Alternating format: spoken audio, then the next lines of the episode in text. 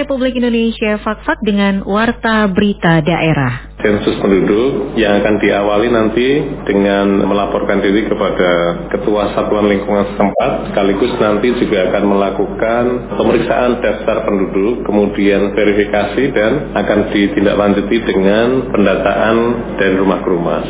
Kampung Tertib Lalu Lintas ini merupakan salah satu lomba yang diadakan oleh Ditlantas Polda Papua Barat dalam hal ini kegiatan RSPA atau Road Safety Participation eh, Mansinam 2020.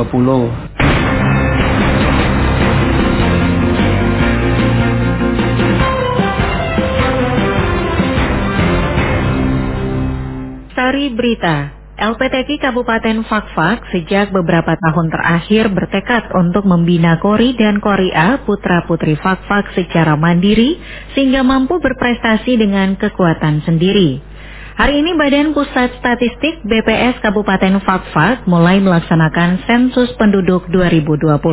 Itulah berita utama pagi ini selengkapnya bersama saya Rifanti.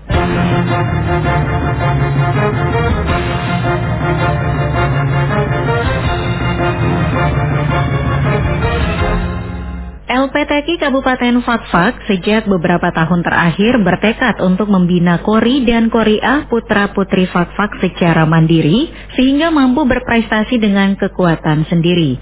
Berikut laporannya. Kita membentuk Kori, Koriah dan sebagainya yang betul-betul mampu kita didik, kita bina, kita bimbing dan kita persiapkan dari Fakfak. Sehingga tidak ada yang kita ambil dari luar begitu. Saudara Bupati Muhammad Uswanas memberikan apresiasi dan dukungan kepada kafilah Kabupaten Fakfak yang mengikuti musabakah tilawatil Quran MTQ ke-8 tahun 2020 tingkat Provinsi Papua Barat. Demikian disampaikan Bupati pada acara pembukaan MTQ ke-8 tahun 2020 tingkat Provinsi Papua Barat yang dilaksanakan secara virtual kemarin di Studio Multipurpose RRI Fakfak. Menurut Muhammad Uswanas dalam kurun waktu 10 tahun kepemimpinannya, pemerintah melalui LPTQ terus memberikan pembinaan kepada Kori-Koriah yang merupakan potensi-potensi lokal yang dipersiapkan secara dini agar mampu berprestasi dengan kekuatan sendiri. Saya berkeyakinan teguh dalam hati, apa yang kita buat itu karena memang Allah meridhoi. Mudah-mudahan tahun ini Fakfak masuk cukup baik. Kita kan sudah masuk lima besar ya. Ah, sekarang harus kita masuk tiga besar. Supaya ke depan ruang kita itu semakin terbuka untuk menjadi yang terbaik di Provinsi Papua Barat. Oleh sebabnya maka melalui kesempatan ini selaku Bupati, saya sampaikan terima kasih kepada LPTK, juga lebih khusus kepada panitia, para pelatih ya. Saudara meskipun dilaksanakan di sini, tapi saudara semua, kafilah kita itu ditunggu yang terbaik oleh masyarakat Kabupaten Fakfak. Sukses untuk kita semua. Allah sekali lagi meridhoi apa yang menjadi harapan kita.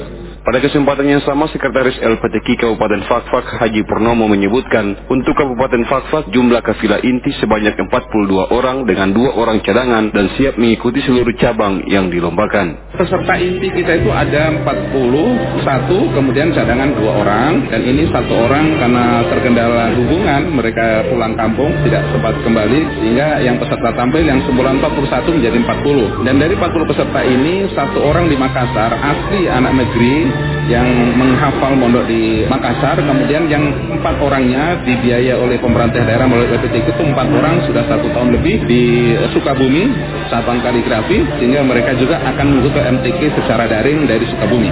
Sementara Gubernur Provinsi Papua Barat Domingus Mandacan dalam sambutan pembukaannya menyampaikan MTQ ke-8 tingkat Provinsi Papua Barat secara virtual ini merupakan pengganti MTQ yang awalnya akan dilaksanakan di Kabupaten Sorong Selatan dan terpaksa batal karena wabah COVID-19. Gubernur pada kesempatan tersebut mengingatkan agar pelaksanaan MTQ ke-8 secara virtual ini tetap menerapkan protokol kesehatan untuk mencegah penyebaran COVID-19 di Papua Barat yang semakin meningkat. Niko Aflobun melaporkan.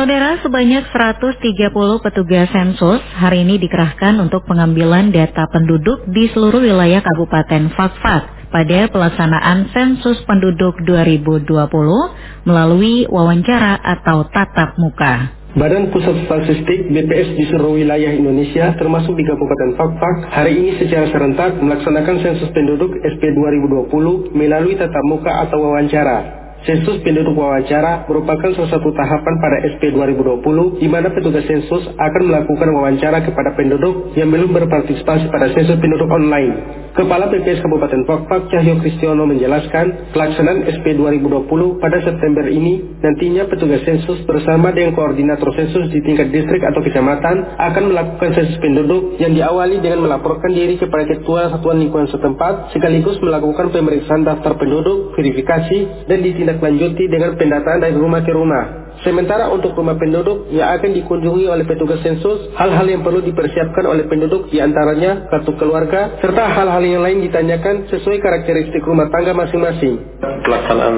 kegiatan sensus penduduk wawancara itu dilaksanakan pada bulan September. Jadi pada bulan September ini nanti petugas uh, sensus ya bersama uh, bersama-sama dengan koordinator sensus di tingkat kecamatan seperti itu, itu akan melakukan sensus penduduk yang akan diawali nanti dengan melaporkan diri kepada Ketua Satuan Lingkungan setempat, sekaligus nanti juga akan melakukan pemeriksaan daftar penduduk, kemudian verifikasi dan akan ditindaklanjuti dengan pendataan dari rumah ke rumah penduduk mungkin bisa mempersiapkan kartu keluarga ya karena di situ nanti juga akan ada data mengenai nomor induk kependudukan lalu hal-hal lain yang ditanyakan sesuai dengan karakteristik rumah tangga masing-masing. Dikatakan jumlah petugas sensus yang dikerahkan pada pelaksanaan sensus penduduk 2020 di wilayah Kabupaten Fakfak pada bulan ini sebanyak 130 petugas sensus yang disebarkan pada 17 distrik. Sedangkan untuk mencegah penyebaran COVID-19 selama pelaksanaan SP 2020 melalui wawancara atau tatap muka berlangsung, setiap petugas sensus dilengkapi dengan alat pelindung diri atau APD dari PPS Kabupaten Fakfak serta dilakukan rapid test.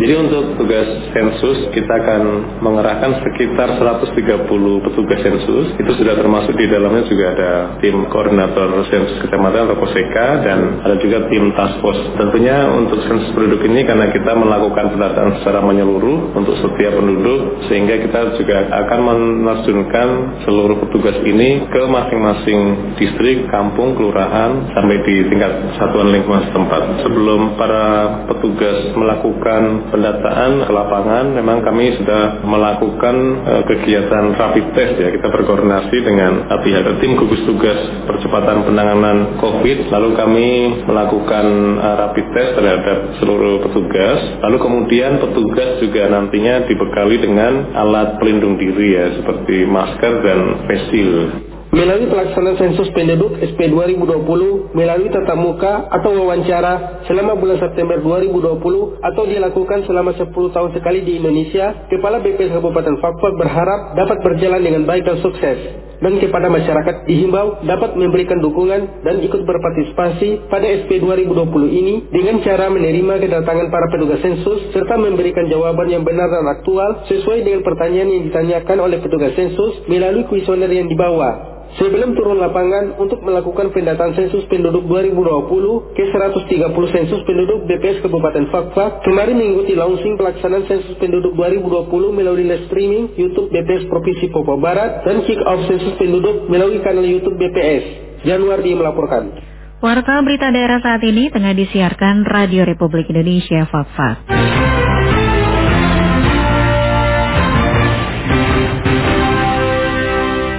Untuk mengetahui hasil tes yang belum kunjung dikeluarkan oleh pemerintah Kabupaten Fakfak, puluhan peserta tes CPNS 2018 asal Fakfak telah menyampaikan aspirasinya kepada Gubernur Papua Barat, Domingus Mandecan, dengan membawa pamflet berbagai tulisan yang intinya mempertanyakan hasil tes.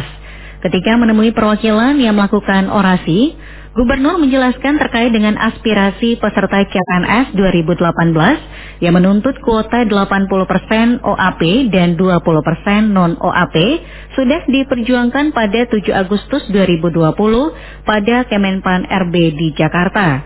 Gubernur membeberkan dari hasil tes CPNS 2018 tidak sesuai dengan tuntutan 80% OAP dan 20% non-OAP, misalnya hasil tes CPNS Kabupaten Manokwari, OAP yang lulus hanya sekitar 23%. Sehingga untuk kabupaten yang sudah umumkan dan hasilnya tidak mencapai kuota 80% OAP, akan ada penambahan kuota sehingga nantinya mencapai 80%. Dengan surat dan pada RW kita sudah terima. Dengan demikian inti dari pertemuan itu bahwa pertama hasil pengumuman yang sudah diumumkan tetap dilaksanakan karena itu ada proses-proses hukum. Jadi yang sudah diumumkan itu diumumkan ya. Sudah luluskan juga ada orang OAP juga dan non OAP juga ada. Dengan sepakat pertama bahwa hasil yang sudah diumumkan dijalankan, itu dilaksanakan untuk bisa pemberkasan gitu. Itu yang pertama. Kedua, ya kita sepakati untuk yang sudah umumkan tetapi OAP itu tidak mencapai 80% akan diberikan kuota tambahan. Taruhlah manufaktur itu kan 28%, kita capai 80 nah, diberikan kuota tambahan untuk bisa mencapai 80 persen gitu dan juga beberapa kabupaten yang sudah pengumuman. Terus yang ketiga bagi kabupaten yang belum pengumuman itu dikembalikan ke daerah lagi karena persentase tadi tidak mencapai 80 dengan demikian kembalikan kepada para bupati wali kota sebagai pejabat pembinaan kepegawaian untuk meninjau kembali hasil yang ada ini sehingga bisa pada saat diumumkan capailah 80 persen itu minimal. Nah, seperti itu. Maka itu mungkin masih lama sedikit karena memang harus dikoordinasikan kembali kepada handphone RB dan lain gitu. Kemudian untuk formasi 2019 ya 2020, 2021 itu akan dilaksanakan di 2021. Nah, sehingga apa yang menjadi harapan adik-adik anak-anak tadi bahwa ada 2019, 2020, 2021 yang akan dilaksanakan 2021 ada dan tetap ya tetap Pak Fajen untuk ke apa persentasenya masih tetap kita berpegang pada 80-20 itu. Menurut Gubernur, terdapat enam kabupaten kota yang hingga saat ini belum mengumumkan hasil tes CPNS 2018, yakni Kabupaten Fakfak, Kabupaten Kaimana, Kota Sorong, Kabupaten Manokwari Selatan, Kabupaten Wondama, dan Kabupaten Raja Ampat. Hal ini dikarenakan masih dilakukan peninjauan kembali hasil tersebut, sehingga nantinya saat diumumkan hasil tes CPNS 2018 yang sudah dilakukan peninjauan akan sesuai kuota OAP 80% seperti yang dituntut tersebut.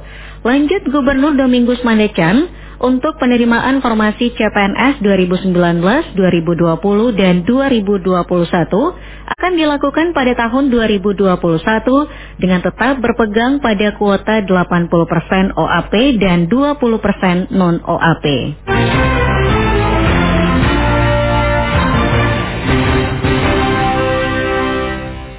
Satuan Lalu Lintas Polres Fakfak akan membentuk kampung tertib berlalu lintas sebagai wujud kepedulian terhadap keselamatan dalam berkendara. Berikut laporannya. Kesadaran akan keselamatan dalam berlalu lintas harus dibangun dari anak usia dini hingga orang dewasa.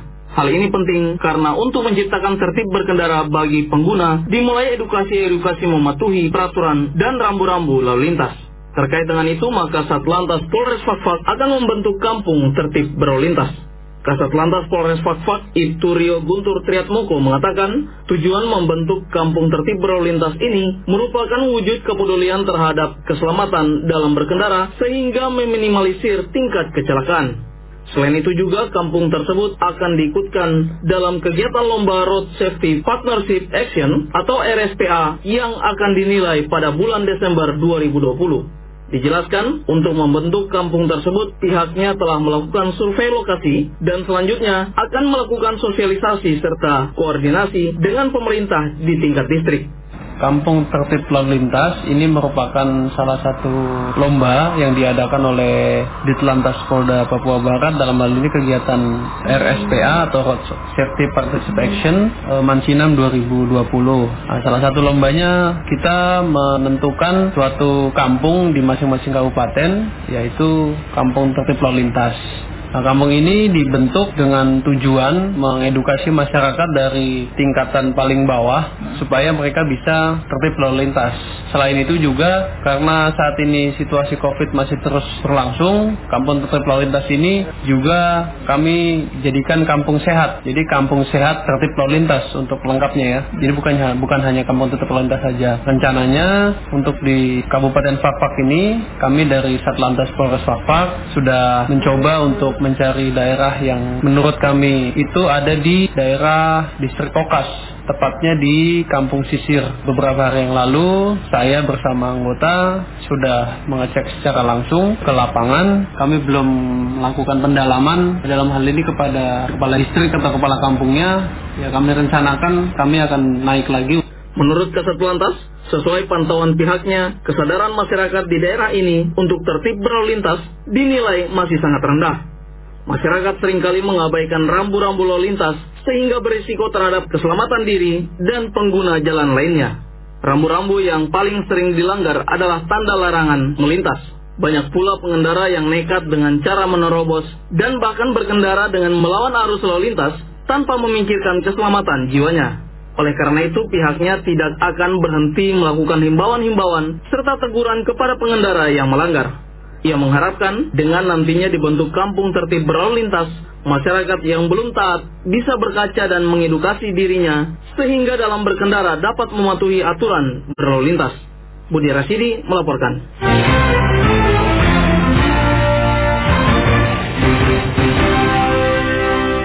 PWI Kabupaten Fakfak dalam waktu dekat akan melaksanakan konferensi kerja tiga untuk membahas program kerja tahun berjalan. Berikut laporannya. Saudara, Persatuan Wartawan Indonesia PWI Kabupaten Fakfak sesuai rencana akan menggelar konferensi kerja tiga guna menyampaikan laporan hasil kerja serta merencanakan program tahunan. Ketua PWI Fakfak Riko Letsoin kepada RRI mengatakan, setelah terbentuknya PWI sejak Desember 2019, belum adanya dilakukan pertemuan guna membahas program kerja. Terhambatnya rencana pelaksanaan konferensi tersebut karena diakibatkan beberapa faktor di antaranya pandemi COVID-19 yang membatasi jumlah audiens hadir dalam pertemuan sesuai protokol kesehatan terbentuknya PWI Kabupaten Fakfak pada Desember 2019 lalu kan kita belum pernah melakukan rapat kerja ya. Berapa kali akan dilakukan rapat kerja, cuman kan terhalang dengan kegiatan hari nasional sehingga semua pengurus itu ikut ke Banjarmasin. Yang kedua terkendala oleh persoalan COVID-19 sehingga pada awal September itu akan digelar konferensi kerja ketiga Konferensi kerja ketiga ini akan membahas program-program kerja dari PWI Kabupaten Fakfak selama satu tahun. Kegiatan ini sendiri akan dibuka langsung oleh Pak Bupati dan dalam kesempatan itu Pak Bupati akan membawakan salah satu materi yang terkait dengan jurnalis. Ya, kan ada banyak seksi di dalam termasuk uh, seksi advokasi, seksi apa pembinaan, uh, seksi ada berapa seksi itu. Tapi yang jelas Seksi-seksi itu akan membahas terkait dengan program-program kerja selama satu tahun PWI ke depan. Menurut Ketua PWI, rancangan program kerja yang akan disusun terbagi dalam beberapa bidang, yakni organisasi, hukum dan HAM, advokasi wartawan, pendidikan kebudayaan, serta bidang seksi wartawan olahraga. Sesuai rencana, konferensi kerja tersebut akan dibuka langsung oleh Bupati Fakfak sekaligus memberikan materi terkait jurnalistik. Tema yang akan diusung dalam konferensi kerja 3 PWI ini yakni mengaktualisasi peran dan tugas jurnalis sebagai pilar demokrasi rakyat. Budi Rastidi melaporkan. Sekian warta berita daerah produksi Radio Republik Indonesia Fakfak.